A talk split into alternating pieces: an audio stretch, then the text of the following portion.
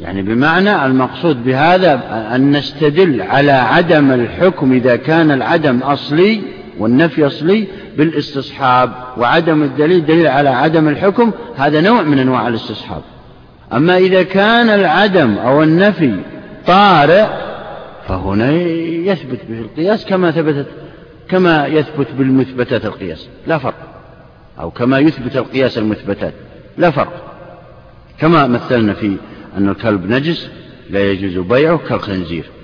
فهنا نقلنا الحكم المنفي من الأصل إلى الفرق الأصل هو الخنزير لا يجوز بيعه. فقسنا عليه الكلب. فكما أنه لا يجوز بيع الخنزير فكذلك لا يجوز لاحظ لا يجوز. يعني نفي بيع الكلب. والجامع النجاسة في كله. لذلك لا يجوز بيع النجاسات. جميع النجاسات لا يجوز بيعها.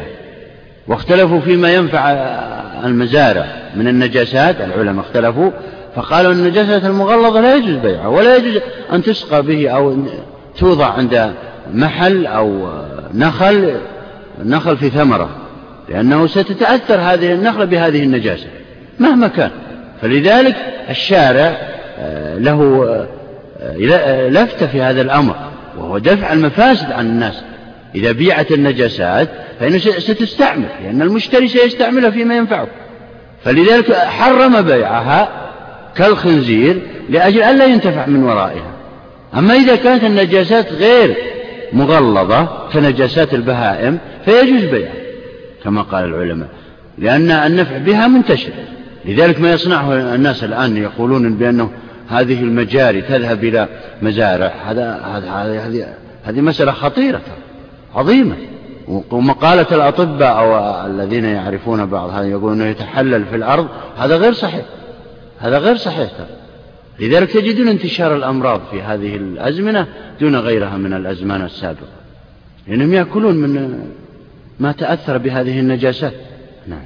أصل قال بعض أهل العلم يتوجه على القياس 12 هذه قوادح القياس. واختلفوا في تعدادها. فبعضهم عدها خمسة وبعضهم ستة وبعضهم عشرين والمصنف أخذها عن غيره وذكر أنها 12 آه، قادحا تسمى قوادح القياس وهي قوادح لجميع آه، الأدلة. ودائما عند شرحنا لكتاب الروض الروضة أو كتب الأخرى لا نشرحها هذه لأنها لأنها ليست من الأصول هي.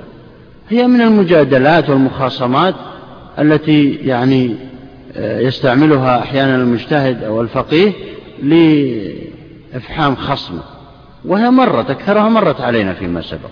فهل تريدون نمشي نشرحها أم لا؟ يلا نبدأ. قال بعض أهل العلم يتوجه على القياس 12 سؤالا الاستفسار وفساد الاعتبار وفساد الوضع والمنع والتقسيم والمطالبة والنقض والقول بالموجب والقلب وعدم التأثير والمعارضة والتركيب؟ أما الاستفسار فيتوجه على المجمل. بدأ الآن في أولها بالتفصيل. نعم. أما الاستفسار فيتوجه على المجمل وعلى المعترض إثبات الإجمال ويكفيه نعم عندنا الآن ضعوا في أذهانكم في هذه القوادح أن عندنا مستدل وعندنا معترض. والمستدل مناظر لهذا المعترض. هما خصمان في مجلس واحد. فالاستفسار يتوجه من المعترض المستدل قاس وانتهى. أو أتى بدليل من الأدلة. المعترض الذي أمامه يقول إن في كلامك إجمالا. ففسره لي. يعني رجح الإجمال المجمل ما هو؟ هو اللفظ الدال على معنيين لا مزية لأحدهما على الآخر وهو المشترك. فهم هذا المعترض أن في كلام المستدل إجمال. فيطلب منه يستفسر منه يعني أن تبين هذا المجمل وأن توضحه لنا وأي المعاني تقصد. نعم أعد العبارة. أما الاستفسار فيتوجه على المجمل وعلى المعترض إثبات الإجمال ويكفيه فيه نعم وعلى المعترض إثبات الإجمال. يعني بمعنى إذا قال هذا كلامك أيها المستدل كلامك فيه إجمال. للمستدل أن يسأل ويقول وضح لي الإجمال في كلامي فيقول المعترض كذا وكذا أن هذا اللفظ يحتمل المعنى كذا والمعنى كذا. وهما متساويان عندي. نعم. ويكفيه في إثباته بيان احتمالين في اللفظ. نعم. يكفي يعني الضمير يعود إلى المعترض. يكفي المعترض أن يبين أن اللفظ له معنيان أو أكثر من معنيين. يكفيه هذا. ويقول أنه يحتمل عندي أنا, أنا عالم في اللغة مثلا يقول المعترض. وأعرف أن هذه اللفظة الشفق أو الشفق يحتمل البياض والإحمراء. والقرء يحتمل الحيض والطهر. وغير ذلك مما هو وارد لديكم من الألفاظ المجملة والألفاظ المشتركة. فيقول هذا اللفظ محتمل محتمل كذا وكذا. وأن له معنيين كذا وكذا وكذا. نعم. ولا يلزمه بيان المساواة بينهما. نعم. لا يلزم المعترض يعني يقول ال ال ال المستدل بين لي دليل على أن هذين المعنيين لهذا اللفظ متساويين. بين لي الدليل. لا يلزم. فالمعترض يقول لا يلزمني أن أبين لك. أنا أفهم أنا لم أفهم من هذا اللفظ شيئا. إذ كل هذا اللفظ يدل على معنى فلا يلزمه يلزم المستدل أو يلزم المعترض أن يجيب المستدل لأنه آه، كيف صار هذا الإجمال؟ نعم. لأنه ليس في وسعه ذلك. لأنه ليس في وسعه ذلك. يعني بمعنى أن المعترض آه، لا يقدر على بيان الدليل من آه، لسان العرب أن هذا اللفظ له معنيان. وهذا فيه أيضا إضافة إلى ما قال المصنف فيه آه، انتقال من مسألة إلى مسألة أخرى. وهذا عيب في المعارضات وفي المخاصمات. نعم. وجوابه بمنع تعدد الاحتمال. وجوابه يعني يقصد كيف يجيب المستدل. كيف يجيب المستدل. لنقترح أن المستدل هو زيد. والمعترض هو عمرو لأنه كلها اثنا عشر قادحان فيه مستدل وفيه معترض. لنقترح الآن في بدايتها أن المستدل زيد وأن المعترض وهو القادح يعني وهو القادح بقياس زيد هو اسمه عمرو. ونمشي على هذه الطريقة حتى يكون آه، الموضوع واضح. وجوابه يعني لزيد أن يجيب على اعتراض وعلى قدح عمرو بما يلي. وجوابه بمنع تعدد الاحتمال. نعم. أو يأتي زيد ويقول أبدا كلامي واضح لا إجمال فيه. نعم. أو بترجيح أحدهما.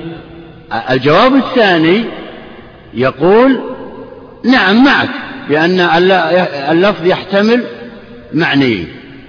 لكن أنا أرجح أحدهما أرجح أحدهما فلا إجمال إذن يكون ظاهر. الظاهر هو اللفظ الدال على معنيين فصاعدا أحدهما أرجح. أحدهما أرجح. نعم. السؤال الثاني فساد الاعتبار. هذا الاستفسار وهو أول الأسئلة. على أساس هو تدرج شيئا فشيئا. نعم.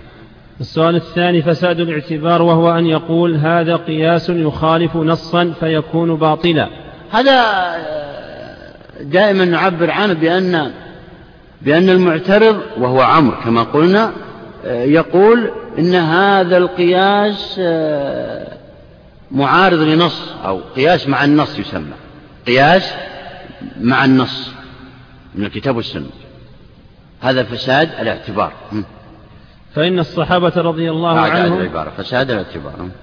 وهو أن يقول هذا قياس يخالف نصا فيكون باطلا. لماذا سمي فساد الاعتبار؟ أي يقول لا اعتبره. لأنه خالف نصا من الكتاب أو السنة. فلذلك يقدم النص عليه. نعم. فإن الصحابة رضي الله عنهم كانوا لا, يصير لا يصيرون إلى قياس مع ظفرهم بالخبر. نعم هذا استدلال المعترض وهو عمرو فإنهم كانوا يستمعون لطلب الأخبار ثم بعد حصول اليأس كانوا يعدلون إلى القياس. نعم هذا دليل آه، حجية فساد الاعتبار. يعني يقول إن الصحابة رضوان الله عنهم وأجماع منهم كانوا لا يضطرون إلى القياس إلا إذا لم يجدوا نصا من كتاب أو سنة. نعم. ما دام أنت أتيت بقياس مخالف لهما أو لأحدهما فلا يعتبر هذا القياس. فهو فاسد يعني. وقد أخر معاذ رضي الله عنه العمل به عن السنة فصوبه النبي صلى الله عليه وسلم. نعم في حديث معاذ لما بعثه إلى اليمن لما بعثه النبي صلى الله عليه وسلم قال بما تقضي؟ قال بكتاب الله. قال آه وإن عرض عليك يعني من السنة قال ثم ماذا؟ قال بسنة رسول الله. قال فإن لم تجد قال أجتهد رأيي والقياس نوع من أنواع الرأي فأخر القياس عن الكتاب والسنة. فإذا أتى بقياس يخالف الكتاب والسنة معناه أنه قدم القياس على الكتاب والسنة. وهذا فاسد الاعتبار. باطل نعم. والجواب من وجهين. نعم. جواب زيد وهو المستدل. الآن يريد أن يجيب عن هذا القدح من المعترض. نعم. أحدهما أن يبين عدم المعارضة. نعم. أن يقول زيد وهو المستدل أنا لا أسلم لك أن هذا القياس قد خالف نصا. فإن النص له مفهوم الذي ذكرته والقياس له مفهومه الآخر. نعم هذا واحد. والثاني بيان أن القياس الذي استند إليه من قبيل ما يجب تقديمه على المعارض المذكور. نعم أحيانا يأتي قياس قطعي. وقد سبق لنا أمثلة عليه. فيقدم هذا القياس القطعي هو دلالة لفظ أصلا هو دلالة لفظ لكن بعضهم يسمي قياس جلي أو قياس قطعي. فيقول أن قياسي هذا قطعي. مثل مثلا فلا تقل لهما أف. فالعلماء قالوا إن سب الوالدين أو شتمهما أو ضربهما أولى بالتحريم من التأفيف والتضجر. فبعض هؤلاء فبعض العلماء سماه دلالة مفهوم موافقة وهو دلالة لفظ دلالة نص يعني. وبعضهم كالشافعي سماه قياسا جليا وهو القطعي. يعني بمعنى أن المسكوت أولى بالحكم من المنطوق به. أولى بالحكم من المنطوق به. فهذا يسمى قياسا قطعيا. فيقول المستدل وهو زيد وهو القائس إن هذا القياس قطعي وهو من دلالة اللفظ وليس قياس ظني خفي حتى أنت أن تقول أنه خالف خالف اللفظ ما خالف اللفظ. فأي فاهم للألفاظ يعرف أن سب الوالدين أو شتمهما أولى بالتحريم من التضجر والتضايق منهما. بجامع الإيذاء في كل نعم. السؤال الثالث فساد الوضع. فساد الوضع نعم. وهو أن يبين أن الحكم المعلق على العلة تقتضي العلة نقيضه. نعم نعم. يعني بمعنى يستعمل العلة التي استعملها المستدل المعترض وهو عمرو. يستعمل العلة التي استعملها المستدل وهو زيد آه، بشيء آخر غير ما استعمله المستدل. وهذا الغير ينقض ما قاله المستدل كأنه يقول إن علتك هذه لا تدل على ما ذكرت وإنما تدل على شيء آخر ها. مثاله ما لو قال في النكاح بلفظ الهبة لفظ الهبة ينعقد بها غير النكاح فلا ينعقد به النكاح كالإجارة فيقال نعم. له هنا قال بعض العلماء أو جمهورهم إن الهبة لا يجوز أن تتلفظ عند عقد النكاح وتكون ويعقد بها النكاح. ألفاظ النكاح أنكحتك زوجتك لكن الهبة يقول وهبتك يقولون لا يصلح فيها هذا ولا ولا يتم النكاح في في, في كلمة وهب قياسا على الإجارة. فأجمعوا على أنه لو قال أجرتك موليتي لا ينعقد النكاح. لكن اختلفوا في الهبة في لفظ الهبة وهبتك موليتي هذه اختلف العلماء. فقال بعض العلماء إنه لا ينعقد لا ينعقد بها النكاح يعني قياسا على الإيجار. قياسا على الإيجار. والجامع بينهما أن كل منهما ينعقد بها غير النكاح فلا ينعقد في النكاح. آه، نظرا إلى أن النكاح إلى أن للنكاح ألفاظا تعبدية. ثلاث جدهن جد وهزلهن جد. ما هي؟ النكاح والطلاق والعتاق. فيقال له هذا تعليق على العلة ضد ما تقتضيه فإن انعقاد غير النكاح به يقتضي انعقاد النكاح به لا عدم الانعقاد. نعم. استعملوا العلة هنا التي استعملها أصحاب المذهب الأول استعملوها على على الانعقاد وليس على عدمه قالوا ما دام أنه الهبة فيها عقد وهو عقد إخلاء طرف أو إخلاء أو تمليك شيء فإنها ينعقد بها النكاح يقول ها أعد العبارة. فيقال له هذا تعليق على العلة ضد ما تقتضيه فإن انعقاد غير النكاح به يقتضي انعقاد النكاح به لا عدم الانعقاد. نعم. يعني بمعنى أنك استعملت العلة آه، استعمال غير صحيح فعلتك تقتضي الانعقاد لكن لا تقتضي عدم الانعقاد كما زعمت. لا تقتضي عدم الانعقاد كما زعمت. فهذا يسمى نقض نعم. وجوابه من وجهين. نعم. جواب المستدل من وجهين وهو زيد أحدهما أن يدفع قول الخصم إنه يقتضي نقيض ذلك. يعني يدفع يقول لا أسلم لك أن ما قلته من النقض صحيح. لا أسلم لك ذلك.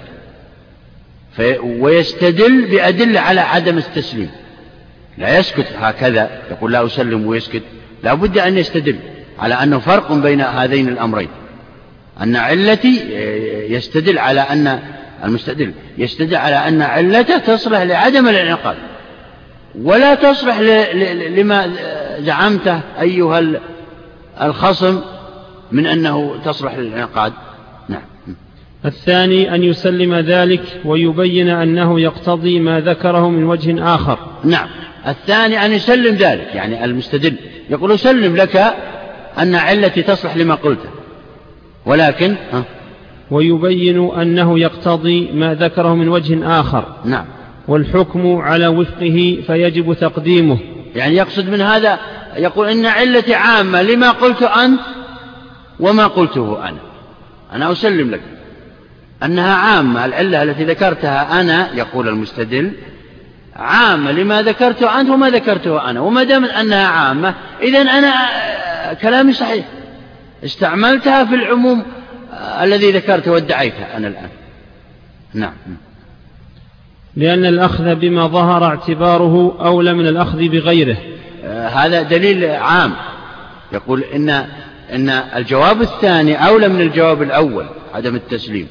لأن الشارع دائما أو يعني دائما يحث على تعليل الأحكام لإيجاد أحكام شرعية للحوادث المتجددة.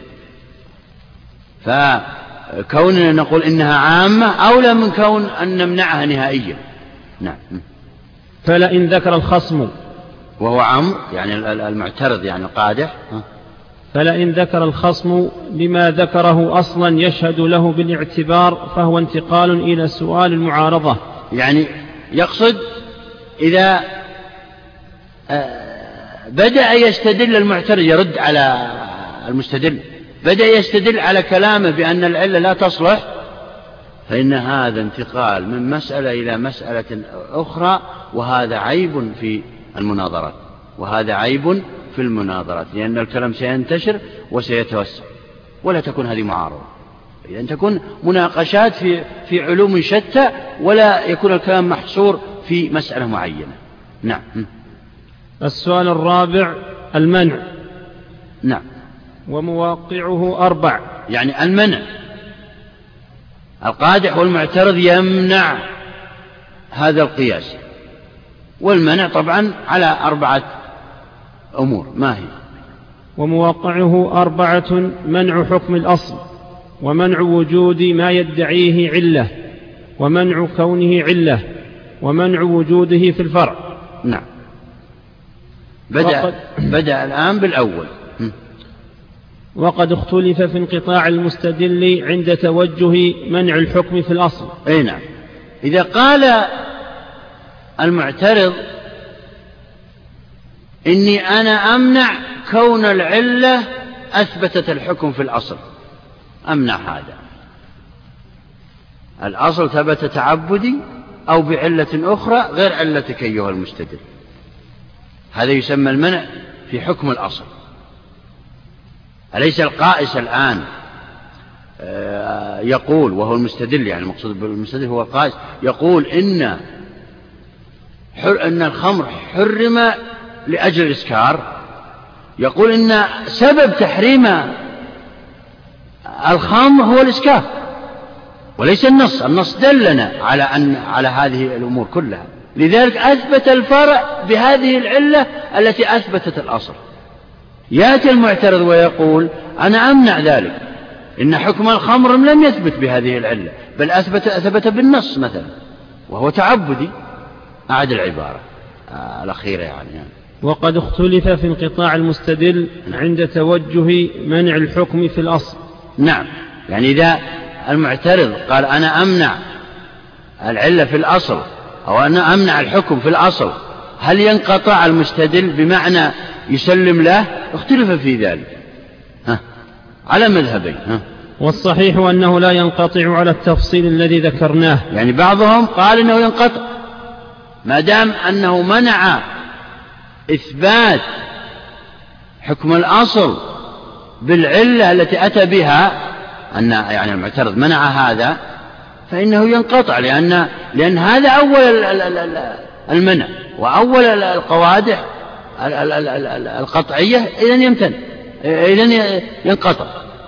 لكن كثير من العلماء قالوا لا لا ينقطع بل يجادله ويخاصمه ويرد عليه فقال والصحيح. والصحيح أنه لا ينقطع على التفصيل الذي ذكرناه. الثاني مع على التفصيل الذي ذكرناه. أي يقصد ها يشير إلى شيء هناك. قد سبق لنا أنه لا ينقطع لأن لأنه يثبت الحكم بالعلة والتفصيل المقصود هو مسالك العلة. يقول لا بل بل إني أن العلة في أن العلة أن علة هذا الحكم وهو حكم الأصل ثبتت عن طريق النص الظاهر أو القطعي أو ثبت عن طريق التنبيه والإيماء كما سبق أو ثبت عن طريق الإجماع أو ثبت عن طريق ال ال ال ال ال الأنواع أو الأشياء الاجتهادية كالوصف المناسب والسبر والتقسيم والدوران. فيثبت العلة هنا. يعني يحاول أن يثبت أن علته صحيحة ولا يثبت ذلك إلا بمسالك العلم السابقة التي ذكرنا. نعم. الثاني منع وجود ما يدعيه علة في الأصل. نعم. يعني يقول بالأول منع أن العلة تثبت الحكم. بالثاني منع العلة نهائيا سواء أثبتت الحكم أو لم تثبت الحكم. يقول المعترض هذه العلة ليست صحيحة. أصلا. يقول كأن المعترض يقول أقر بأن هذا الحكم ثبت بعلة لكن علتك التي أتيت بها لا أسلم. فيه علة أخرى. الثاني ها؟ الثاني منع وجود ما يدعيه علة في الأصل فعند ذلك يحتاج المستدل إلى إثباته. نعم إثباته بمسالك العلة إن كان عقليا بالاسترواح إلى أدلة العقل. نعم إثباته بطرق وبطرق الإثبات السابقة. إما طرق عقلية أو بطرق شرعية أو غير ذلك. نعم. وإن كان محسوسا بالاستناد إلى شهادة الحس وإن كان شرعيا فبدليل شرعي وقد يقدر على ذلك بإثبات أثر أو أمر يلازمه. يعني يقصد من هذا أن أنه إذا منع العلة وقال أنا لا أسلم بعلتك التي ذكرتها وإنما عندي علة أخرى أنا أقوى منها فإن المستدل يستطيع أن يثبت صحة علته بأحد هذه الطرق وهي مسالك العلة السابقة. نعم. الثالث منع كونه علة فيحتاج إلى إثباتها بأحد الطرق التي ذكرناها. نعم. نفس نفس الأول نفس ما سبق. ولكن هنا يقول إن العلة هذه نقصت وصفا. يعني لا يبطلها كلها ويبطل بعضها. يقول أنا هذه العلة لا أسلمها لأنها نقصت وصفا من الأوصاف والعلة آه، لا تقوم بهذا فيجب أن تكون العلة جامعة لجميع الأوصاف. مثل آه، بعضهم قال بأنه تجب الزكاة في مال الصبي قياسا على مال المكلف قياسا على مال المكلف. فكما تجب الزكاة في مال المكلف فكذلك تجب المال آه، الجامع بينهما الملكية في كل. أبطلوا. أبطل الجمهور هذا هذا القياس. وقالوا إن العلة موجودة في الأصل لا شك لأنه يملك ماله بالقوة وبالفعل لكن غير موجودة في الفرع نعم. فهو يملك ماله بالقوة لا بالفعل. نعم. فيحتاج إلى إثباتها بأحد الطرق التي ذكرناها. الرابع منع وجود نعم. يعني يحتاج إلى إثباتها في مسالك العلة. نعم. الرابع منع وجود ما ادعاه علة في الفرع. نعم. هنا يأتي ونفس المثال السابق. ينطبق على هذا. الجمهور قدحوا في قياس بالرشد كما سبق. قالوا إن العلة موجودة في الأصل وهي ملكية المال بالقوة وبالفعل في قياس الصبي على البالغ يعني المثال السابق. ولكنها غير موجودة في إيه؟ في الفرع. فالفرع وهو الصبي يملك ماله بقوة الشريعة لكن لا يملك ماله بالفعل لا يتصرف فيه. فالمعترض هذا آه، مثاله هنا. نعم. ولا بد من بيان ذلك بطرقه. نعم. السؤال الخامس التقسيم. آه، يقصد بطرقه يعني بطرق آه، الأدلة يعني بمسالك العلة بمسالك العلة يثبت المجتهد أن العلة موجودة في الفرع وليس كما زعمت أيها القادح بأنها ليست موجودة فيدافع عن قياسه إن كان يعني مجتهدا صحيحا. نعم. السؤال الخامس التقسيم. وحقه أن يقدم على المطالبة إذ فيه منع والمطالبة نعم. تسليم التقسيم. وهو أن يأتي المجتهد الخصم الخصم والقادح ويقول إن في كلامك قسم مسلم وقسم ممنوع. وقال هنا وهو يأتي إيه؟ وحقه أن يقدم على المطالبة. نعم وحقه أن أن يقدم على المطالبة. المطالبة بالدليل على هذا القياس سيأتينا وهو السادس يعني. فقدم التقسيم على المطالبة لسبب ذكره المصنف هنا فقال إذ فيه منع والمطالبة تسليم محض. إذ فيه منع يعني التقسيم فيه منع لكن المطالبة فيه تسليم والمنع يقدم على التسليم لا شك. نعم. والمنع المنع من حيث المعترض. المعترض إذا سلم شيئا صعب أن يمنعه فيما بعد ذلك.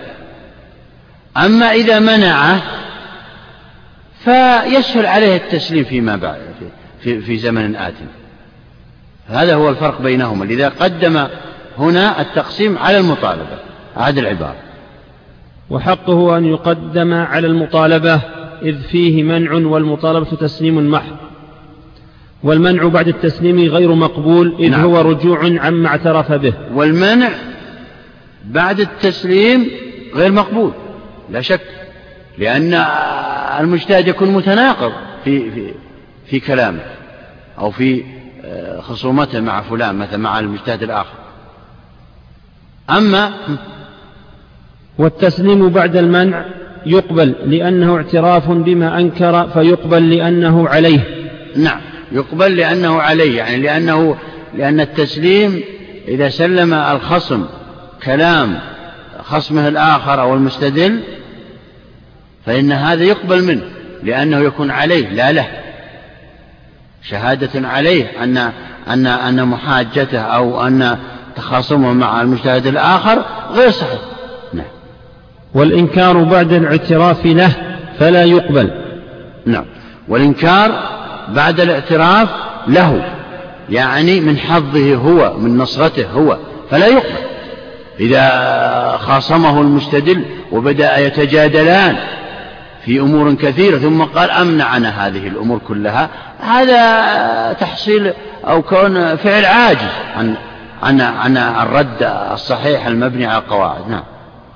في التسليم. بلى بلى. أكثر العلماء أكثر العلماء رجع عن اجتهاداته ورجع عن معارضة لبعض العلماء السابقين له لأنه بان له.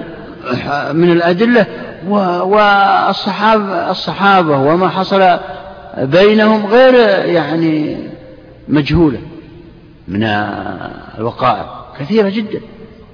لا يا شيخ لا هو عند المناظرين وال عند التناظر والتخاصم ولا له ما وراء له ما وراء لأن المجادلات هذه كان يعقد تعقد جلسات على نهر دجلة والفرات وعلى كذا وكانوا آه، يطرحون مسألة ثم يبدأ كل واحد يأتي بأدلته ويحضر طلاب العلم يستفيدون وهم الذين نقلوا لنا أخبارهم. فكل يأتي بذا فإذا آه، يعني ألجم الحجة فلان أو نحو من ذلك ثم بعد ذلك ألجم أيضا وانهزم بعد ذلك يسقط من درجة المجتهدين. ويحصل ما يحصل. هذا هذا يرجع إلى كذا مثل مثل مسألة المشركة في عند عمر رضي الله عنه. رجع إلى ما قال. نعم. لا يقول ليست لائقة. هذا قصد ليست لائقة ولكن لا ليست يعني أي نعم لازم. وإنما يقول ليست لائقة يعني أنه يضع نفسه موضع المخاصم لفلان وأخيرا يسلم في كل الأمور. لماذا خاصمه؟ إذا لأجل الشهرة أجل. كما أنه بعض العلماء المعاصرين توفوا رحمة الله عليهم آه، واحد منهم آه، جاءه واحد متخرج من الشريعة له زمن وأراد أن يجادله في مسألة من المسائل التي التي آه، تكلم بها هذا العالم. فقال له هذا العالم أنت عرفت شيء وجهلت أشياء. فإذا كنت مثل عمري عندك من الخبرة والتجربة في الأدلة الشرعية فتعال نتناقش.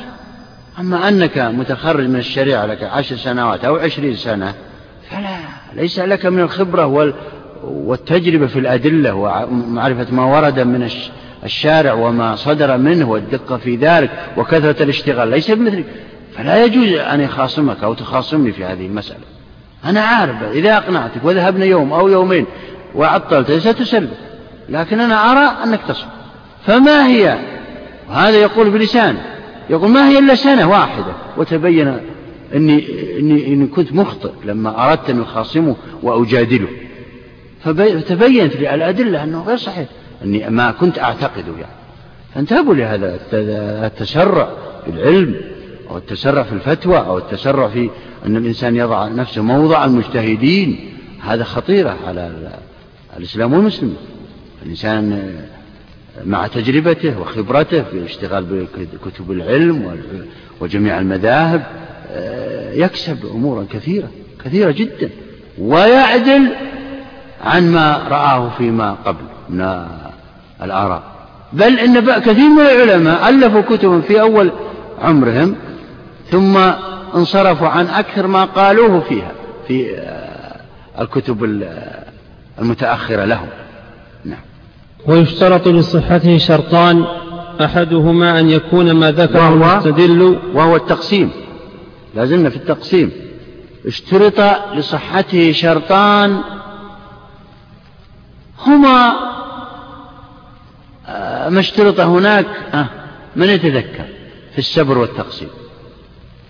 ألم نقل إن العلة تعلم بالسبر والتقسيم؟ اشترط هناك شرطان. هما أعادهما المصنف بأسلوب آخر فقال أحدهما أن يكون ما ذكره المستدل منقسما إلى ما يمنع ويسلم نعم. أحدهما أن يتأكد هذا المعترض أن ما ذكره المستدل ينقسم إلى هذين القسمين. أحدهما مسلم يسلمه المعترض والآخر يعترض عليه. هذا واحد ها. فلو أورد ذلك بذكر زيادة في الدليل على ما ذكره المستدل فلا يصح. نعم. يعني بمعنى أنه لو أورد قسما ثالثا زيادة على ما ذكره المستدل أو أو وسع معنى كلام المستدل فلا يصح اعتراضه بالتقسيم. أبدا. لأن تقسيم لأن ما قسم إليه لا يحتمل إلا هذين القسمين. فإذا أتى بثالث معناه أنه لم يعرف أن يخاصم غيره. ها. لأنه يمهد لنفسه شيئا. لأنه يمهد لنفسه شيئا. يعني إذا ذكر أكثر من قسمين أنتم معي؟ فإنه يمهد لنفسه أنه إذا أخطأ في مخاصمته ومجادلته أنه يذهب إلى هذا الثالث ليتخلص به عن الإحراج عن الإحراج. يعني يقول مثلا فيه قسم مسلم من كلامك وفيه قسم آه، ممنوع وفيه قسم بين وبين. ثم يأتي إذا خاصمه المستدل وأتى بأدلة أنه, آه، أنه لا يوجد شيء ممنوع. قال أجل آه، في كلامك يكون في الذي بين وبين ثم يتخلص. هذا غير صحيح. ها. بعضهم ترى يريد أن يشاهد نفسه في هذه المجادلات والخصومات يريد. نعم. لأنه يمهد لنفسه شيئا ثم يوجه الاعتراض فحينئذ يكون مناظرا مع نفسه لا مع خصمه. آه. إذا أتى بقسم ثالث معناه أنه فرض شيء وبدأ يخاصم هذا الشيء بنفسه من نفسه. المستدل ما ما ذكر هذا الشيء لا من قريب ولا من بعيد. نعم. الثاني أن يكون حاصرا لجميع الأقسام. الثاني من الشرطين للتقسيم أن يكون حاصرا. تقسيم أن يكون حاصرا. إما قسمين أو ثلاثة يقبلها هذا المستدل. ها. فإنه إذا لم يكن حاصرا فللمستدل أن يبين أن مورده غير ما عينه المستدل بالذكر نعم. يعني إن لم يكن حاصر يقول مثلا المعترض أن كلامك هذا ينقسم إلى قسمين فيما هو مسلم وفيما هو ممنوع. وفيما هو غير ذلك يقول هذا الكلام كذا. أنتم معي؟ يأتي المستدل ويستغل فرصة ويقول أنا فيما هو غير ذلك. وانتهي أعد العبارة. الثاني أن يكون حاصرا لجميع الأقسام فإنه إذا لم يكن حاصرا فللمستدل أن يبين أن مورده غير ما عينه المستدل بالذكر فعند ذلك يندفع. نعم. يعني بمعنى يستغل كونه ما عين شيء يستغله المستدل. ويقول أنا في في هذا الشيء المجمل المبهم آه الذي لم تذكر. نعم. وطريق المعترض في صيانة تقسيمه عن هذا الدفع أن يقول عند التقسيم إن عينت به هذا المحتمل فمسلم والمطالبة متوجهة. وإن عينت به ما عداه فممنوع. نعم هذا طريقة التقسيم يعني. يقول كلامك فيه ما هو ممنوع وفيه ما هو مسلم. فإن قلت إنها إنها أني أقصد هذا المعنى المسلم فأنك توافقني عليه وأنا أوافقك عليه. وإن قلت إني أقصد ذلك الممنوع فأنا سأجادلك وسأستمر معك. يعني ممنوع عندي يعني. وذكر قوم أن من شرط صحته أن يكون الاحتمال في الأقسام على السواء لكن يكفيه بيان الاحتمالات ولا يلزمه بيان المساواة لكونه غير مقدور عليه. يعني آه، اشترط بعضهم أن تكون التقسيمات متساوية متساوية. اشترط بعضهم وهذا غير صحيح. إنما آه، قد يأتي المعترض أو القادح ويقسم المثل هذا مسلم وهو قوي وفيه ما هو ممنوع وهو ضعيف. ليست مشكلة. قد يقول المعترض هذا الكلام ويقبل منه. وأنه إذا بين المستدل ظهور اللفظ في مجمل إما بحكم الوضع وإما بحكم العرف وإما الوضع اللغوي يعني. يعني إذا بين المستدل أن هذا الكلام أو استدلاله آه، يقويه أو تقويه اللغة وهو الوضع اللغوي فإنه يكون قد آه، يعني آه، تقوى بالحجة على خصمه. نعم. وأنه إذا بين المستدل ظهور اللفظ في مجمل إما بحكم الوضع وإما بحكم العرف وإما بقرينة وجدت. يعني المستدل يستدل إما باللغة وإما بالعرف. أنتم معي؟ وإما بأي دليل شرعي. يستدل على أن هذا الكلام الذي ذكره المصنف الذي ذكره المعترض غير صحيح. نعم. فسد التقسيم. فسد التقسيم يعني هذا جواب عن القادح وهو المعترض. بمعنى إذا بين بالأدلة الغالبة على الظن أو القطعية من اللغة أو من العرف أو من أي دليل شرعي أن هذا التقسيم غير صحيح أن اللفظة التي يتكلم بها المستدل لا تقسم إلى هذين التقسيمين الذي ذكرهما. القادح فإنه يفسد التقسيم لأنه هذه الأدلة آه، يستدل بها على إثبات حكم شرعية منفردة. نعم. قال ولو لم يكن اللفظ مشهورا في أحدهما فالمستدل أن يبين ظهوره قال أعد قال ولو لم يكن اللفظ مشهورا في أحدهما فالمستدل أن يبين ظهوره. نعم. يعني آه، آه، يأتي المعترض ويعترض ويقول إن إنك نقف على هذه النقطة. صلى الله على نبينا محمد. بسم الله والحمد لله والصلاة والسلام على رسول الله. نعم. رب العالمين والصلاة والسلام على نبينا محمد وآله وصحبه أجمعين. قال ابن قدامة رحمه الله تعالى قال ولو لم يكن اللفظ مشهورا في أحدهما لا زلنا نعم لا زلنا في إيه؟ في القادح الخامس وهو التقسيم.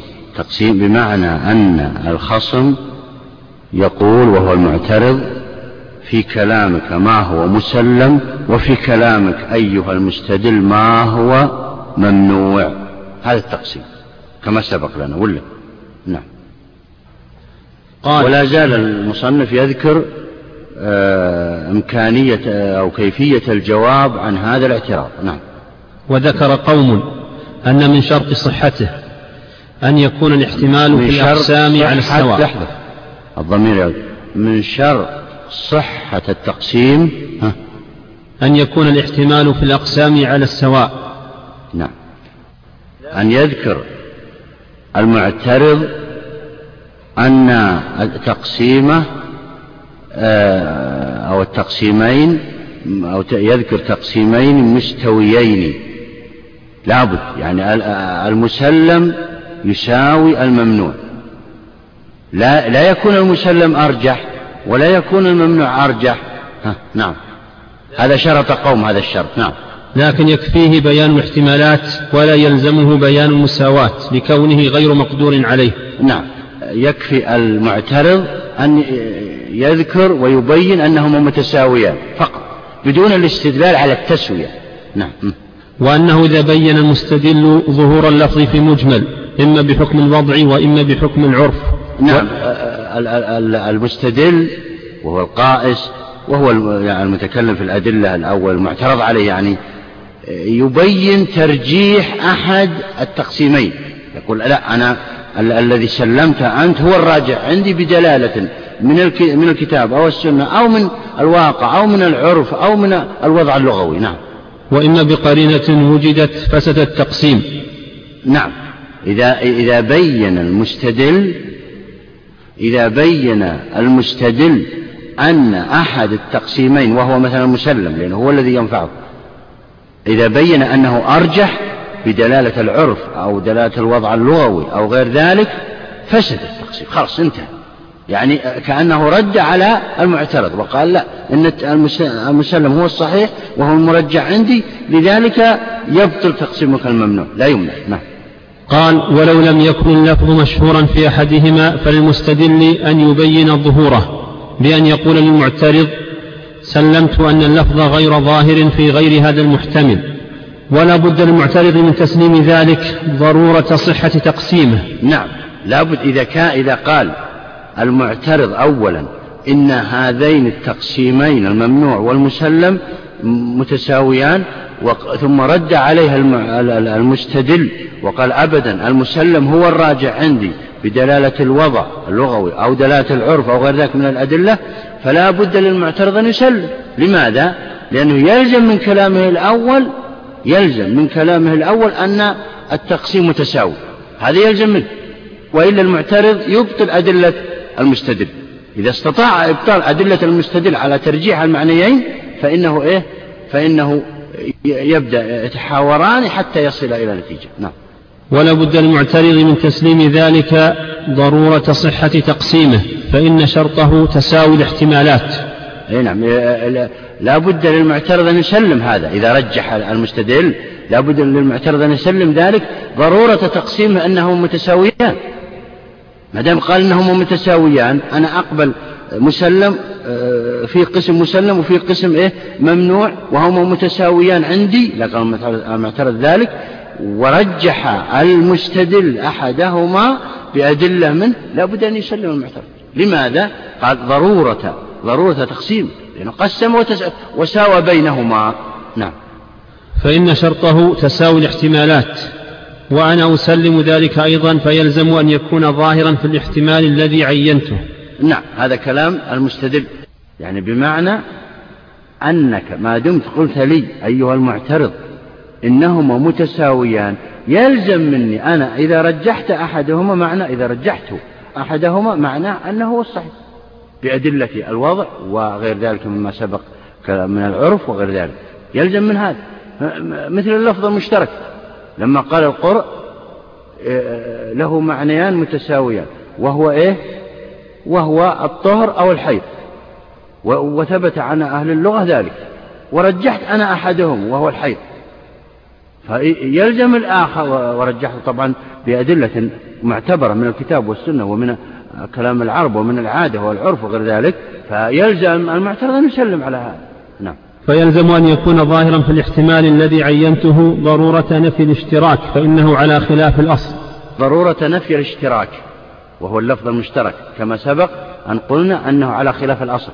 ترى اللفظ المشترك يعني الأصل في اللغة العربية أن يكون لكل لفظ معنى واحد. هذا الأصل. معنى واحد راجح أو مقطوع به. هذا هذا الأصل في اللغة العربية. لكن كون يأتي اللفظ له معنيان متساويان هذا خلاف الأصل. في اللغة العربية لذلك قبلنا كلام المستدل لما رجح أحد المعنيين تخلصا من الاشتراك تخلصا من الاشتراك نعم ويمكن أن يمنع أن تساوي الاحتمالات شرط إذ لا حجر على المستدل أن يفسر كلامه بما نعم. يحتمله نعم. ويمكن ويمكن أن يمنع, أن يمنع نعم. أن تساوي الاحتمالات شرط إذ لا حجر على المستدل أن يفسر كلامه بما يحتمله وإن كان الظاهر خلافه فكذلك لا حجر على على المقسم في تقسيمه إلى ما يمكن المستدل أن يفسر كلامه به. يعني يقصد ويمكن هذا الجواب يمكن أن نجيب به إذا قسم المعترض آه، كلام المستدل بقسمين غير متساويين. يمكن أن نجيب.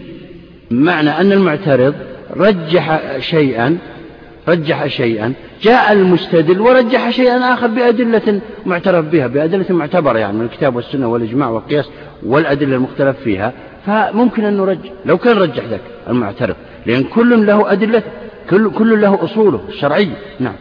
وجواب التقسيم من حيث الجدل بدفع انقسام الكلام. نعم أولا بدأ الآن كيف يجيب المستدل عن هذا الاعتراض من المعترض؟ كيف يجيب؟ طريقة الجواب الطريقة الجدلية. ترى هذا هذه القوادح تسمى إيه؟ أو تدخل في باب الجدل. نعم.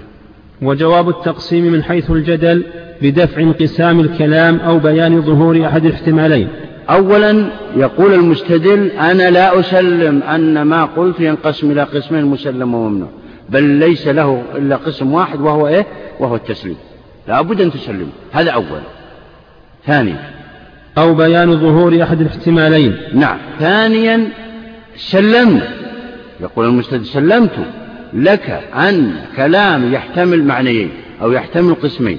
فإن فإنه في المسلم أقوى منه في الممنوع بأدلة كذا وكذا وكذا.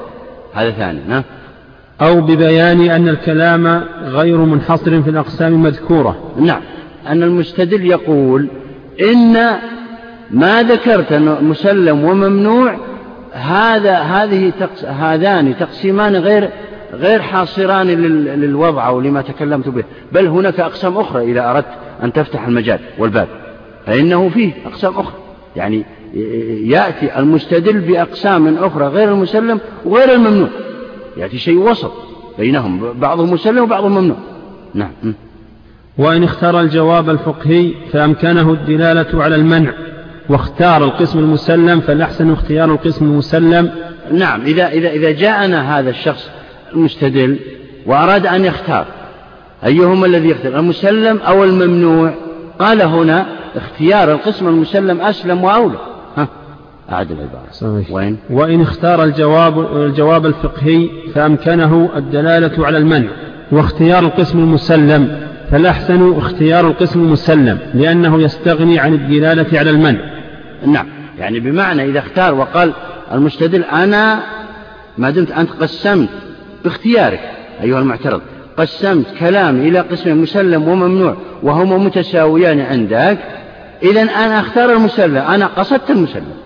فهذا أحسن له وأسلم له من أنه لو اختار الممنوع لا طولب بالأدلة على القدح في الممنوع على القدح في الممنوع. لكن إذا اختار المسلم أسلم له أسلم المستدل.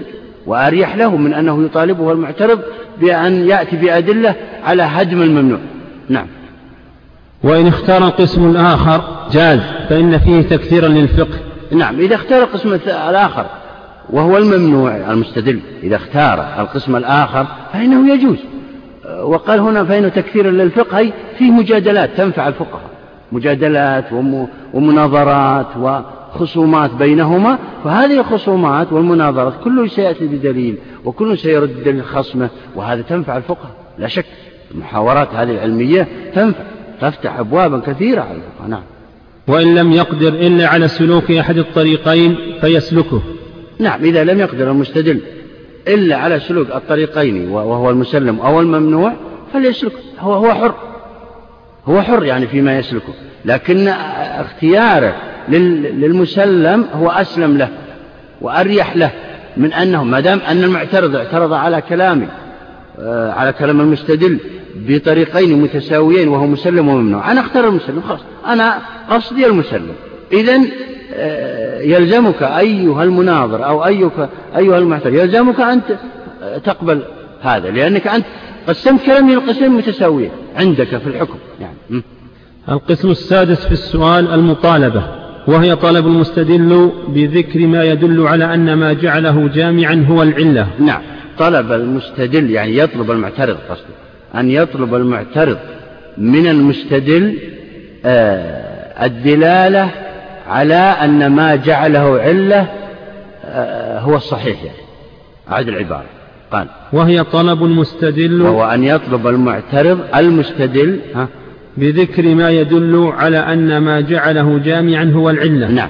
المستدل قاس شيئا على شيء. مثلا عندنا قياس النبيذ على الخمر فقال إن العلة هي الإسكار. يأتي المعترض ويقول أعطني دليل على أن الإسكار يصح أن يكون علة. أعطني دليل. هات لي الدليل. فيبين أنه الوصف المناسب. الدليل طبعا الدليل من مسالك العلة السابقة. إما الوصف المناسب أو الدوران أو السبر والتقسيم وهي الاجتهادية. نعم. أو أشياء نقلها يعني نصوص نص على العلة نعم. وهو المنع الثالث في المعنى. وهو المنع الثالث في المعنى. أنا قلت لكم أن آخر القوادح هي بمعنى أولها ترى. قال وهو المنع الثالث في المعنى. طلع لنا المنع الثالث في المعنى. قبلها بصفحتين. 934 الرابع. الثالث فوق. الثالث منع كونه علة. آه منع كونه هو نفسه. لكن العلماء أكثر القواعد وآخرها هو بمعنى أولها لكن بعضهم فصل وبعضهم أجمل. فقالوا أن الستة الأول من القواعد تكفي عن آه، الاثني عشر وتكفي عن الأربع وعشرين بعضهم. لذلك سنكتفي إذا انتهينا من السادس هذا. نعم. قال ها قال أعد العبارة وهو؟ وهو المنع الثالث في المعنى. وهو المنع الثالث في المعنى يعني اختلف في اللفظ ولكن المعنى هو واحد. يطلب المعترض من المستدل أن يبين الدليل على أن هذا الوصف يصح أن يكون علة نعم. أي نعم. يثبت يثبت العلة وفيه تسليم وجود العلة في الفرع وفي الأصل وتسليم الحكم. يعني كأن المعترض سلم هذه الأمور كلها. كأن المعترض سلم هذه الأمور كلها. ولكنه أراد أن أو ولكنه طلب الاستدلال من المستدل على أن هذا الوصف يصلح أن يكون علما لأجل أن يسلم جميع أركان القياس. قصده لأجل أن يسلم جميع أركان القياس. نعم. وجواب ذلك؟ يعني المستدل. كيف يجيب المستدل على هذا الاعتراض؟ بيان كونه علة بأحد الطرق التي ذكرناها. بأحد الطرق التي ذكرناها. ما هي؟ مسالك العلم. مسالك العلم. مسالك العلم. النقلية من الكتاب والسنة النص الظاهر كما قلنا فيما سبق والنص الصريح. ومن آه، المسالك التنبيه والإيمان كما سبق الستة المعروفة. ومن آه، المسالك الاجتهادية الوصف المناسب والدوران والسبر والتقسيم. نعم. آه، نحن قلنا فيما سبق قبل أن تأتوا أنه يكفي في العلم بقوادح القياس يكفي فيها ستة وهي التي تدرس في كليات الشريعة. تكفي عن اثني عشر وتكفي عن الأربعة والعشرين لأنها كله فيما سيأتي سيؤدي إلى أو سيشير إلى أنه ذكرها في القادح الفلاني وأنه سبق وأنه إلى آخره. فلذلك نكتفي بهذه الستة وهي تكفي عن عن الاثني عشر وتكفي كما قلنا. فما سيأتي من الستة الباقية هي بمعنى السابق أو يقارب لها. نعم يلا نبدأ في باب الاجتهاد ترجع إلى هذه الستة لمن دقق الفهم. نعم نعم نعم وقد ألف في هذا وذكروها حتى أن أكثر العلماء ذكروها ستة. وبعضهم لم يذكر القوادح نهائيا في أصول الفقه أصلا. أصلا القوادح هذه لم يذكروها في أصول الفقه لا من قريب ولا من بعيد. لأنها يقول ليست من علم أصول الفقه من من من علم الجدل والمناظرات والمداولات بين المثقفين فقط وليست هي منها لكن الذي من علم أصول الفقه هو الأدلة فقط وما يبطل الدليل وماذا؟ وذكرنا هذه الستة تكفي. نعم. فصل في حكم المجتهد. اعلم أن الاجتهاد في اللغة بذل المجهود واستفراغ الوسع في الفعل. نعم. الاجتهاد في اللغة هو بذل المجهود سواء كان حسيا أو معنويا. المثال الحسي أن يبذل الإنسان جهده قصارى ما في وسعة في حمل مثلا أي شيء ثقيل. ومثال المعنوي أن يستنبط الإنسان آه، آه، حكما شرعيا لحادثة متجددة من أي آه، آية أو حديث. نعم. ولا يستعمل إلا فيما فيه جهد. لا نفس الاجتهاد لا يستعمل إلا فيما فيه جهد. وهذا من باب التلازم. يعني كلمة الاجتهاد كلمة الاجتهاد أو الجهاد في سبيل الله يعني لا يستعمل إلا ما فيه إلا فيما فيه جهد حتى الجهاد النفس. والإنسان جالس يجهد نفسه عن المعاصي هذا فيه مشقة على بعض الناس هذا يسمى جهاد. والاجتهاد أيضا يعني لا بد من الجهد الشيء الذي ليس فيه جهد ومشقة وضيق أحيانا وحرج وأحيانا يتكلم المجتهد في كلام ضد ما ما يفعله السلاطين فيعذب ويحبس ويهان لأجل هذا هذا كله من نتائج اجتهاداته. نعم. يقال اجتهد في حمل الرحى ولا يقال اجتهد في حمل خردلة. نعم. يقال اجتهد في حمل رحى يعني الرحى معروف الذي يطحن عليه الذي يطحن فيه الحبوب. اجتهد في حمله لا شك إنه ثقيل. ولا يقال اجتهد في حمل قلم. لا شك أن الإنسان إذا أعطى رفيق قلم أنه اجتهد هذا أعطاه قلم. أو اجتهد في خردلة. ما هي الخردلة؟ هي يقولون قشرة النوى.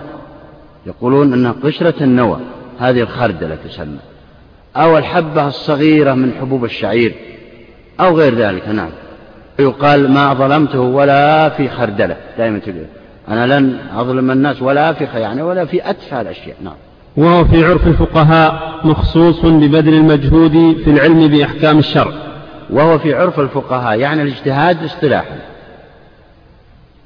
هو مخصوص ببذل المجهود في العلم بأحكام الشرع. نعم مخصوص يعني بمعنى التعريف السابق عام لكل اجتهاد سواء كان اجتهاد آه، حسي كما قلت في الجوارح أو سواء كان اجتهاد معنوي في آه، الأفكار والاستنباطات أو في اجتهادات في اللغة العربية أو اجتهادات في الهندسة أو الطب هذا عام. لكن خصص أهل الفقهاء باستطاعة الإنسان استنباط الحكم الشرعي لأي حادثة متجددة من كتاب أو سنة. نعم. أعد العبارة. وهو مخصوص؟ وهو في عرف الفقهاء مخصوص ببذل المجهود في العلم بأحكام الشرع. نعم. في العلم بأحكام الشرع.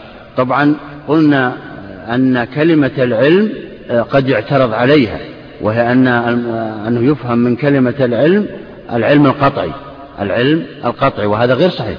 فالمقصود هنا العلم القطعي والظني معا. فالمقصود بها إدراك مطلق النسبة إدراك مطلق النسبة سواء كان علما ظنيا أو قطعيا. وليس المقصود العلم القطعي لأن الأحكام يمكن 99% من الأحكام الشرعية كلها ظنية فكيف يقول العلم بالأحكام؟ وقلنا ذلك أثناء تعريفنا إذا كنتم تذكرون تعريف الفقه هو العلم بالأحكام الشرعية العملية المكتسب من الأدلة التفصيلية. اعترض بعضهم قال كلمة العلم هذه لا تليق لأن العلم المقصود بها المطابق والأحكام الشرعية أكثرها ظن فتقول الظن. فأجاب عنه الجمهور قال المقصود بالعلم هو الشامل للظن والقطع نعم. لو يضاف مثلا هنا ما المجهود في العلم بأحكام الشرع الظنية والقطعية؟ ممكن. هذا معروف. أصلا معروف عند العلم. معروف بالضرورة أن العلم ينقسم إلى قسمين ظني وقطعي.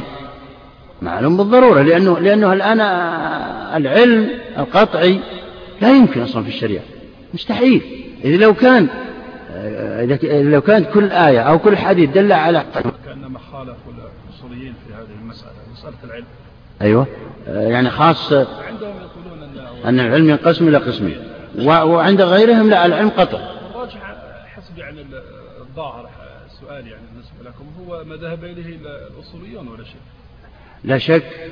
وهذا كلام وهذا كلام الباقلاني أبو بكر الباقلاني اعترض على جمهور الأصوليين والفقهاء وقالوا أنكم وقال أنكم تعرفون الفقه بأنه العلم بالأحكام وهو تعريف الاجتهاد ترى هنا.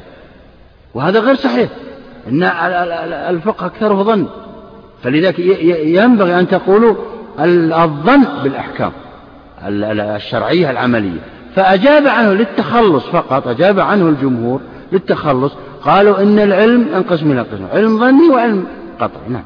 والاجتهاد التام أن يبذل الوسع في الطلب. ينقسم الاجتهاد أعد العبارة يقول مخصوص ببذل مخصوص ببذل المجهود في العلم بأحكام الشرع. في العلم بأحكام الشرع. طبعا أحكام الشرع للحوادث المتجددة. أضيفها العبارة. للحوادث المتجددة. وإلا, وإلا أي إنسان لو يحفظ الآلاف المؤلفة من الأحكام الشرعية المروية عن مثلا الحنفية وعن المالكية وعن الشافعية وعن الحنابلة مثلا أو عن أي عالم من العلماء إذا حفظها ما يسمى مجتهدا ما يسمى مجتهدا. ولو حفظ الكتاب والسنة أيضا ما يسمى مجتهدا. لكن الذي يسمى مجتهد هو الذي يستنبط الحكم بنفسه بالاعتماد وبناء على القواعد الأصولية. هذا اللي يسمى مجتهد. ولو لم يحفظ الكتاب والسنة ولكن يعرف مواقع آيات مثلا الأطعمة مواقع آيات الحدود مواقع أحاديث الأطعمة وهكذا. لو لم يحفظ الكتاب والسنة. ولو لم يعلم أن الفقهاء قد قالوا هذه المسائل الآلاف المؤلفة. إنما عرف أصول الفقه عرف طريقة الاستنباط هنا يستطيع هنا يكون مع المجتهدين. فلذلك لا بد من نقول هو مخصوص ببذل المجهود باستنباط الأحكام الفقهية من الأدلة التفصيلية. لا بد أن تأتوا بهذه العبارة. هو, هو مخصوصا ببذل المجهود لأجل استنباط الأحكام الشرعية للحوادث المتجددة. طبعا بين قوسين للحوادث المتجددة من الأدلة التفصيلية. ولا يعرف الإنسان هذه الأمور إلا إذا عرف طرق الاستنباط. إذا إلا إذا عرف طرق الاستنباط. وجميع أصول الفقه وجزئياته هي طرق الاستنباط. نعم. والاجتهاد التام أن يبذل الوسعة وينقسم الاجتهاد إلى قسمين اجتهاد تام واجتهاد ناقص. بدأ بالاجتهاد التام ها؟ والاجتهاد التام أن يبذل الوسع في الطلب إلى أن يحس من نفسه بالعجز عن مزيد طلب. نعم. الاجتهاد التام أن تأتي الحادثة هذا المجتهد ولا يعلم. يعني حادثة مثل أطعمة هل لا يعلم هل هو آه، مأكول أو غير مأكول هل مباح أو غير مباح. فيبدأ يجمع آه، آيات الأطعمة وأحاديث الأطعمة وآثار الأطعمة والمسائل التي اختلف العلماء فيها والتي أجمع العلماء فيها من مسائل الأطعمة. يجمعها أمامه فيجتهد فيها ويدقق فيها وينظر هل هذا الفرع الذي حدث يعني آه، أولى له أن يلحق بها تلك الآية أو بذلك الحديث أم ماذا يدقق في هذا حتى يعجز عن إيه اجتهاد غيره. فهو ويرجح أحد الآيات عموم أحد الآيات التي تعم تلك الحادث فيستدل بها. أو يرجح عموم الحديث أو غير ذلك من الأمور ويقول ليس عندي آه، يعني أي آه، قوة لأن أستنبط غير ذلك. هنا يسمى اجتهاد تام يعجز. نعم ويقر بعجزه. نعم. وشرط المجتهد إحاطته بمدارك الأحكام طبعا الاجتهاد الناقص ما ذكره المصنف. الاجتهاد الناقص هو الذي يجتهد آه اجتهاد أولي. هو الذي يجتهد اجتهاد أولي. لكن لا يقر بعجزه يقول أنا لو أنظر فيها نظرة أخرى يمكن بان لي آه، أمور أخرى فيه في, في هذه الحادثة. لكنه ما أقر لكنه ما أقر بعجزه هذا يسمى اجتهاد ناقص. والاجتهاد الناقص غير مقبول ترى.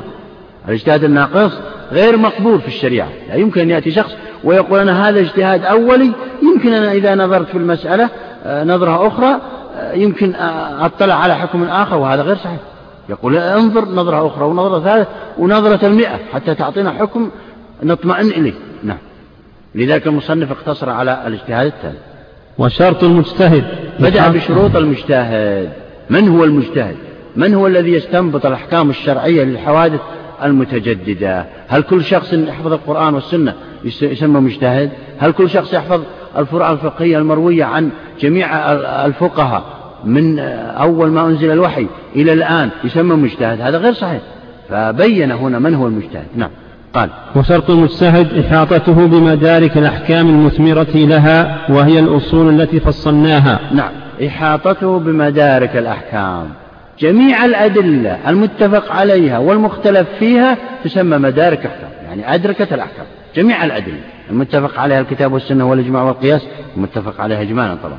والمختلف فيها الاستصحاب والاستحسان والمصالح المرسلة وال وقول الصحابي وشرع من قبلنا والتلازم والعرف وسد الذرائع وغيرها هذه تسمى أدلة الأحكام ومدارك الأحكام. لا بد أن يحيط بها هذا هذا المجتهد. يدرسها دراسة متعنية ويرجح هل, هل بعضها حجة أو بعضها الآخر غير حجة أو كلها حجة لا بد أن يطلع على هذا هذا أولا نعم.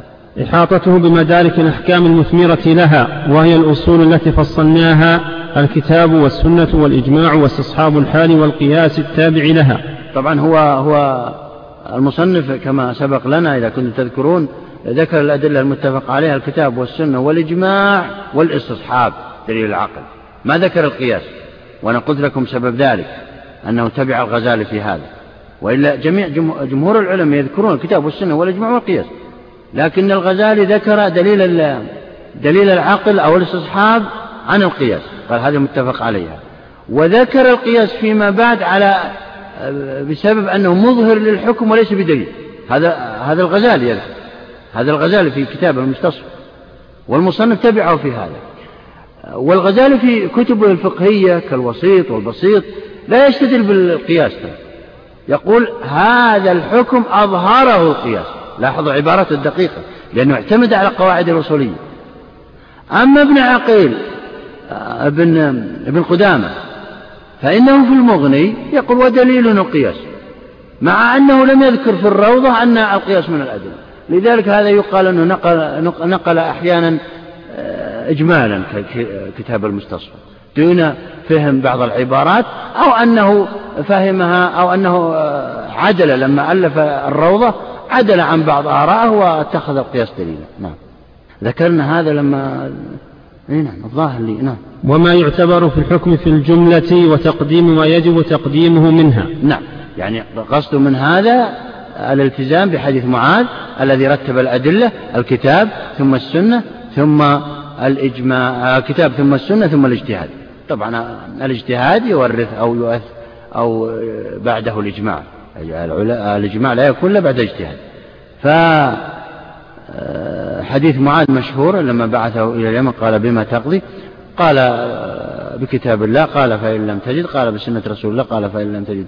قال اجتهد رأي ولا آله فصوبه النبي صلى الله عليه وسلم. هذا ترتيب الأدلة. لا بد أن المجتهد يعرف ترتيب هذه الأدلة وإلا لما صلح هذا الاجتهاد؟ نعم. بمعنى لو لم يعرف ترتيب الأدلة لاستدل بالقياس قبل أن ينظر في السنة وهذا غير صحيح. نعم. فأما العدالة فليست شرطا لكونه مجتهدا. نعم. فأما العدالة فليست شرطا لكونه مجتهدا. ما معنى هذا الكلام؟ العدالة ما هي أولا؟ هي هيئة راسخة في النفس تحمل صاحبها على ملازمة التقوى والمروءة. هذه العدالة. يقول العلماء إن الفاسق يستطيع أن يصل إلى درجة الاجتهاد. الفاسق يستطيع أن يصل إلى درجة الاجتهاد. لا شك إذا جمع الأدلة وتوفرت في شروط الاجتهاد. لكن لا يقبل قوله إلا إذا توفر فيه شرط العدالة. يعني بمعنى العدالة شرط في قبول قوله و وليست شرطا في بلوغ درجة الاجتهاد. مفهوم الفرق بينهما أقرأ العبارة مرة. فأما العدالة. فأما العدالة فليست شرطا لكونه مجتهدا بل متى كان عالما بما ذكرناه فله أن يأخذ باجتهاد نفسه. نعم. فالفاسق يبلغ درجة الاجتهاد ويجتهد لنفسه إلى آخره لكن كونه يؤخذ عنه أو يقبل كلام تقبل فتاويه واجتهاداته هذه مسألة أخرى. ننظر إذا كان عدلا وهو الذي لازم التقوى والمروءة نأخذ بكلامه ونعمل بما أفتى به. وإن كان غير عادل لا يؤخذ بالكلام نعم.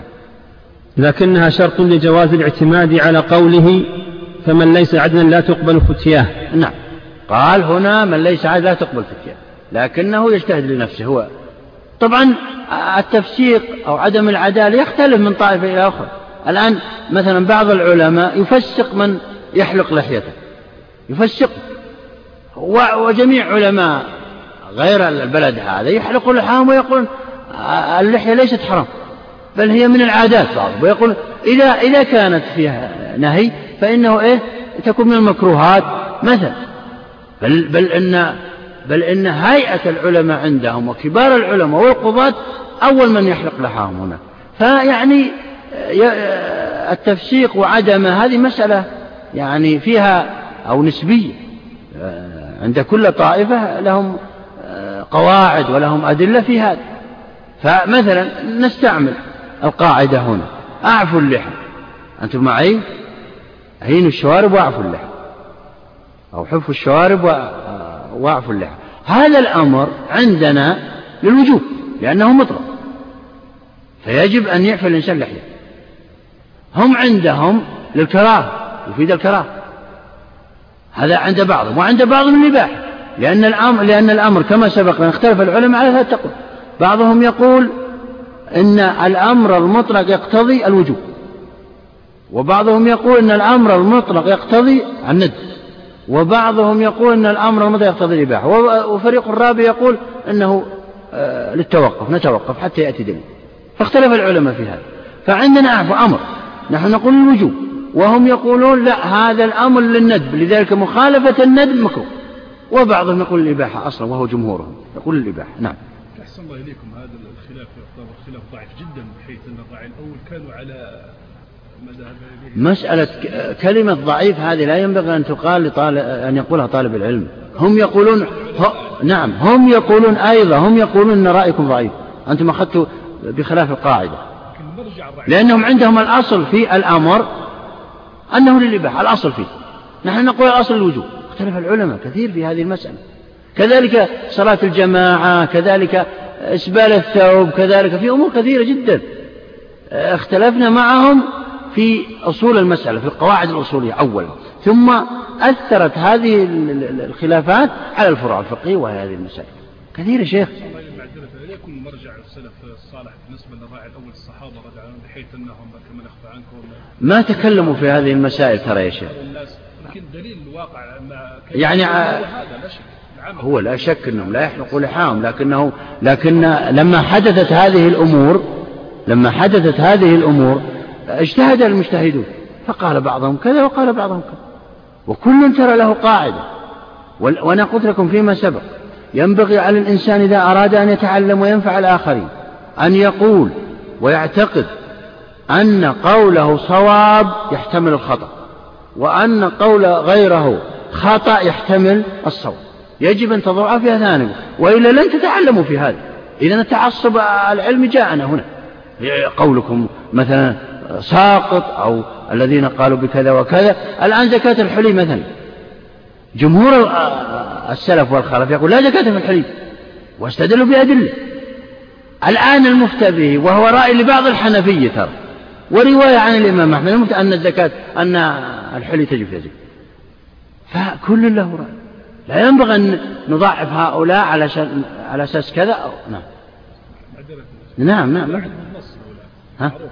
معروف عندهم حديث يعتمدون عليه وهنا الخلاف في ثبوت الحديث فهذا خلاف معروف إنه سائغ يجوز. أما قضية الأمر هذه أن ال- تقريبا شبه إجماع على أن الأمر للوجوب إلا إلى لا لا لا لا لا, لا ما في شبه إجماع. ما في شبه إجماع أبدا يا شيخ. اختلف العلم ثلاثة أربعة أقوال وكل قول له أدلته. لا عاد الصحابة أصل لم تدون الأصول ولا النحو ولا وعاد التابعين. بعد التابعية التابع بدأت تدون. ونأخذ من, من, من بعض الصحابة الأدلة. هو المأخوذ عنهم الأدلة ما اختلفوا. أو اختلفوا أحيانا في بعض الأمور في توجيهاتها وبعضهم استدل ببعض الصحابة. الآن زكاة الحلي مثلا. يقول استدلوا بأن ابن عمر كان لا يزكي على ذهب بناته وزوجاته. هذا يدل على دليل الجمهور. استدلوا بأقوالهم وبأفعالهم. هؤلاء الذين أنت تخالف أو فلان يخالفهم فلا ينبغي أن نضع في أذهاننا أن أقوال غيرنا لا ينبغي أن نسمع إذن هذا التعصب المذهبي وهذا الذي ينبغي أن آه، ينفر منه وأن لا نتخذ وكل له رأيه ما دام بلغ, درجة الاجتهاد إذا لا بد أن نأخذ رأيه. بعين الاعتبار نحن نقول أنه لا شك خطأ وأنه ضعيف بعض الشيء لكن لا نجزم بقطعية صحة قولنا. أبدا. نعم. لا نجزم بقطعية صحة قولنا. إلا إذا كان الدليل قطعي. وهي قليلة جدا كما قلت ثلاثة أمور وهي ال- ال- ال- الآية الدالة على معناه دلالة قطعية والحديث المتواتر الدال على معناه دلالة قطعية والإجماع الصريح المنقول إلينا نقلا متواترا. وهذه الأدلة نادرة. لذلك الأحكام المأخوذة عنها نادرة. يمكن 2% من الأحكام الشرعية كلها. حتى العقيدة. من باب الاثنين بالمئة. وأصول الفروع. يعني حل البيع وتحريم الربا وحل الزواج وتحريم الزنا وكذا إلى آخره. هذه من القطعيات الفروع. تسمى أصول الفروع. أما بقية الأمور فهي فيها خلاف, خلاف واسع. لذلك تجد تفسير القرآن لو كان قطعي الدلالة لوجدت آه، القرآن نفسه. يعني يمكن آه، ما زاد عليه إلا شيء بسيط. الآن ثلاثين مجلد أربعين مجلد في تفسير القرآن. لماذا؟ لأنهم اختلفوا في تفسير الآية. بعضهم يقول كذا وبعضهم يقول المقصود بها كذا كذلك الأحاديث وغيرها. نعم. والواجب عليه في معرفة الكتاب معرفة ما يتعلق منه بالأحكام وهي قدر نعم كان سائلا سأل وقال أنت اشترطت أن تعرف الأدلة السابقة يعني وهي مدارك ال- الأحكام. طيب ما هو ال- القدر الذي ينبغي أن يعرفه من الكتاب؟ قال ها معرفة ما يتعلق منه بالأحكام وهي قدر خمسمائة آية. أي نعم بعضهم اشترط هذا الشرط. وقال يجب أن يعرف خمسمائة آية وهي آيات الأحكام تسمى. بعضهم اشترط هذا الشرط وتبعهم الغزالي ونقله ابن قدامة هنا ها. ولا يشترط حفظها بل علمه بمواقعها حتى يطلب الآية المحتاج إليها وقت حاجته. نعم. لا يشترط حفظها أيضا هذه خمسمائة آية إنما يعلم أن أن في الأنعام آيات في الأطعمة. إذا حدثت حادثة مثلا يعلم في ذهنه أن في الأنعام آيات في الأطعمة. في البقرة آيات في الأطعمة. في آل عمران آيات في لأجل أنه إذا حدثت حادثة يجمعها لا يحشرط حفظها. إنما يفتح القرآن ويسردها ويكتبها حتى إيه؟ يجتهد فيها إذا كانت تلك الحادثة من الأطعمة تدخل فيها. عمم تلك الإله كذلك يعلم أن آه، الأحاديث التي في الأطعمة ويعلم الآثار التي في الأطعمة ويعلم المسائل المتفق عليه والمختلف في الأطعمة. لا بد من هذا. لا يشترط حفظ هذه الأمور. حفظها عن ظهر قلب لكن يفهم فهم أن هناك آيات وهناك كذا. نعم. مشترط في معرفة السنة معرفة أحاديث الأحكام. هل هذا شرط؟ آه، نقف هنا. يعني هل آه كلامه مقبول أنه أن أن آيات الأحكام 500 آية كما كلام بعض السلف. هذا غير صحيح. هذا غير صحيح. بل إن العلماء تكلموا في هذه المسألة وقالوا إن كل آية تدل على أحكام شرعية سواء كانت آيات أحكام في آيات الأحكام المقصود بها الأوامر والنواهي ترى يا جماعة. آيات الأحكام المقصود بها الأوامر والنواهي في الكتاب والسنة. كل آية نقول تدل على الأحكام سواء كانت في الأوامر أو النواهي أو الأخبار أو القصص أو الأمثال أو الزواجر أو غير ذلك. كلها فيها آيات كلها فيها يستنبط فيها. وسواء أيضا دلت على الأحكام دلالة مطابقة أو دلالة التزام أو دلالة تضمن. لا بد أن تجد حتى في تقديم حرف على حرف في الكتاب له دلالته له دلالته على الأحكام الشرعية. في تقديم آية على آية له دلالته في سياق الكلام والأسلوب. لما جاءوا إن الصفا والمروة والمروة لما جاءوا يريدون أن يطوفوا أو يسعوا يسعوا فسألوا هل نبدأ بالمروة أم نبدأ بالصفا؟ فقال النبي صلى الله عليه وسلم ابدأوا بما بدأ الله به. إن الصفا إذن من الصفا وهكذا فتقديم شيء على شيء يدل أنت إذا قلت مثلا جاء زيد وعمر. ننظر إلى دقة اللغة العربية. هل يفهم السامع أنهما في المكانة والمنزلة واحد؟ لا. زيد أعظم و يعني أكرم من عمرو. لماذا؟ لأن المتكلم قدمه في الذكر. وهكذا. فلذلك ينبغي الإنسان أن لا يتكلم بأي كلمة إلا ولها معنى. تقديم تأخير لا يقول سواء. صحيح أن الواو للجامع في الحكم الجمع يعني حكم أنه كلاهما جاء لكن في التقدير لا. فكل شيء في الكتاب أو السنة له مدلول. تقديم حرف تأخير حرف آه، إتيان بحرف هذا دون ذاك. وهكذا. وهذا كثير جدا جدا في هذا. نعم. ويشترط في معرفة السنة معرفة أحاديث. مثلا آه، أعضاء الوضوء. أليست أربعة؟ وكل كلها تجب يجب فيها الغسل إلا الرأس المسح. إلا الرأس يجب آه، مسحه. فهل هنا وامسحوا برؤوسكم قال بعضهم إنه يغسل. أنتم معي؟ بعضهم. وهذا معروف وكذلك في بعض الطوائف كذا وكذلك بعضهم قالوا إنه تمسح الرجل وتغسل. لماذا؟ اتباعا للرأس. قالوا يغسل الوجه واليدين فقط أما الرأس والرجلين فإنه يمسحان. لماذا؟ دليلهم قالوا لذكر المغسولين أولا الاهتمام بهما ثم يمسح ما بعدهما لأن ليس فيه مواجهة ليس فيه مواجهة. رد عليهم بشيء آخر. وهو أنه إيه؟ وهو أنه أن الأصل في الرأس الأصل في الرأس هو الغسل الأصل كما هو كما هو في الرجلين وغيره. لكن الله سبحانه وتعالى قد خفف ذلك آه، دفعا للضرر عن هذا المتوضئ لأن الرأس إذا غسل سينزل سينزل الماء على ثيابه وسيتعب في الحر أو في البرد لذلك رفع في هذا. دفع المشقة نعم. السلام والمشترط في معرفة السنة معرفة أحاديث الأحكام وهي وإن كانت كثيرة فهي محصورة. نعم. هو اشترط هنا معرفة أحاديث الأحكام. وهذا صحيح لأن الأحاديث الآلاف المؤلفة لا شك. ولا وينبغي أن تحصر أنها آيات الأحكام. سئل الإمام أحمد فقيل له الأحاديث أو عدد الأحاديث التي ينبغي أن يحفظها من أراد بلوغ درجة الاجتهاد. هل هي مئة ألف؟ قال لا. قال هل هي مائة ألف حديث؟ قال لا. قال, قال السائل ثلاثمائة ألف؟ قال لا. قال أربعمائة ألف؟ قال. وأشار بيده. يمكن يبلغ درجة الاجتهاد إذا حفظ أربعمائة ألف حديث. وسئل مرة وقال خمسمائة ألف حديث.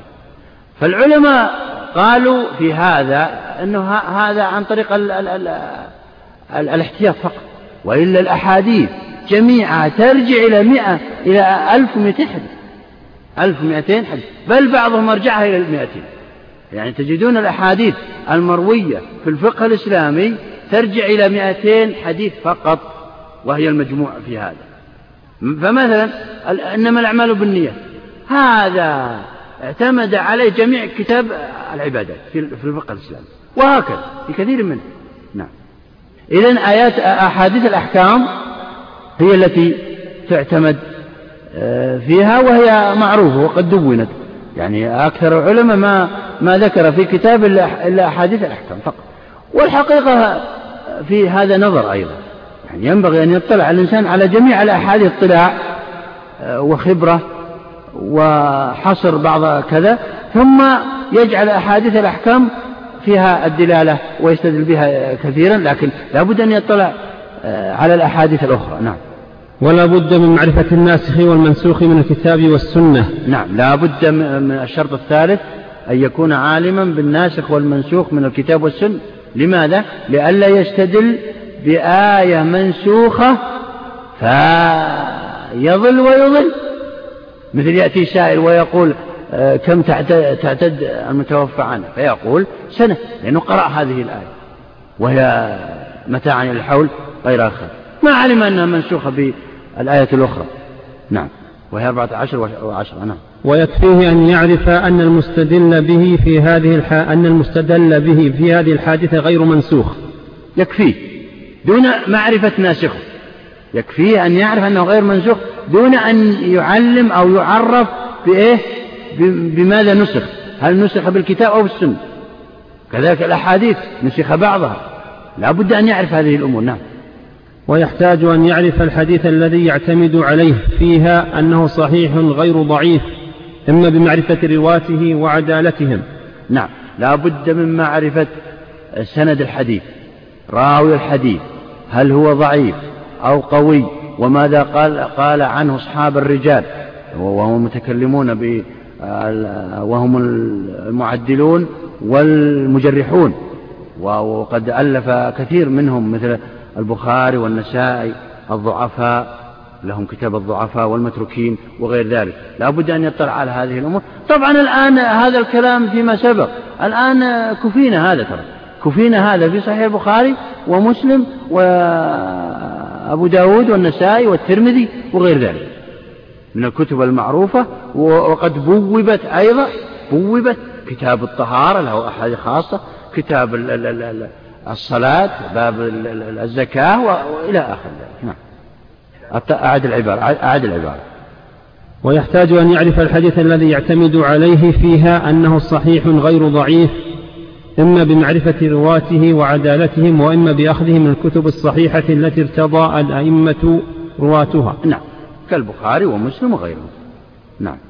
وأما الإجماع فيحتاج إلى معرفة مواقعه ويكفيه أن يعرف نعم. أن المسألة أيضا من الشروط أن يعرف المسائل المجمع عليها. من يعني إذا حدثت مثلا حادثة كما قلت في الأطعمة فيما سبق.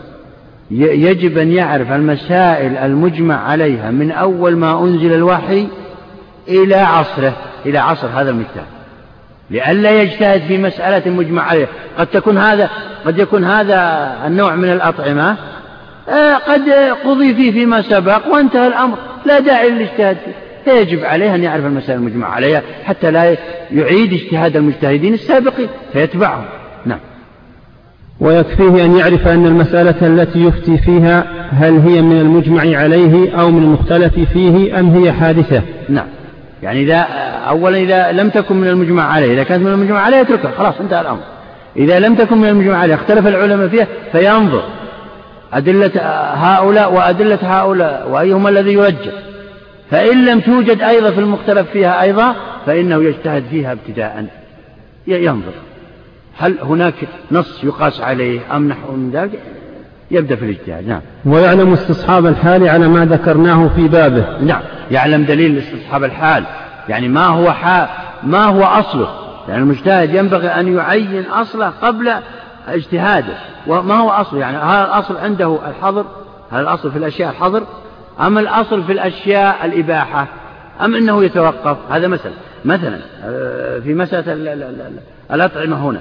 لم يجد لا مجمع عليها. ولا مختلف فيها وتوا... وتعارضت عنده أدلتها. يعني دليل يجيز أكلها ودليل يحرم أكلها ماذا يعمل؟